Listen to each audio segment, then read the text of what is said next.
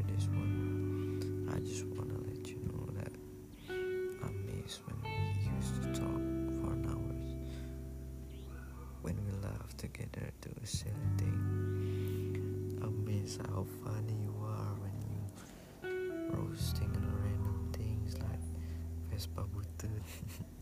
Remember that? I love that kind of thing. It just makes me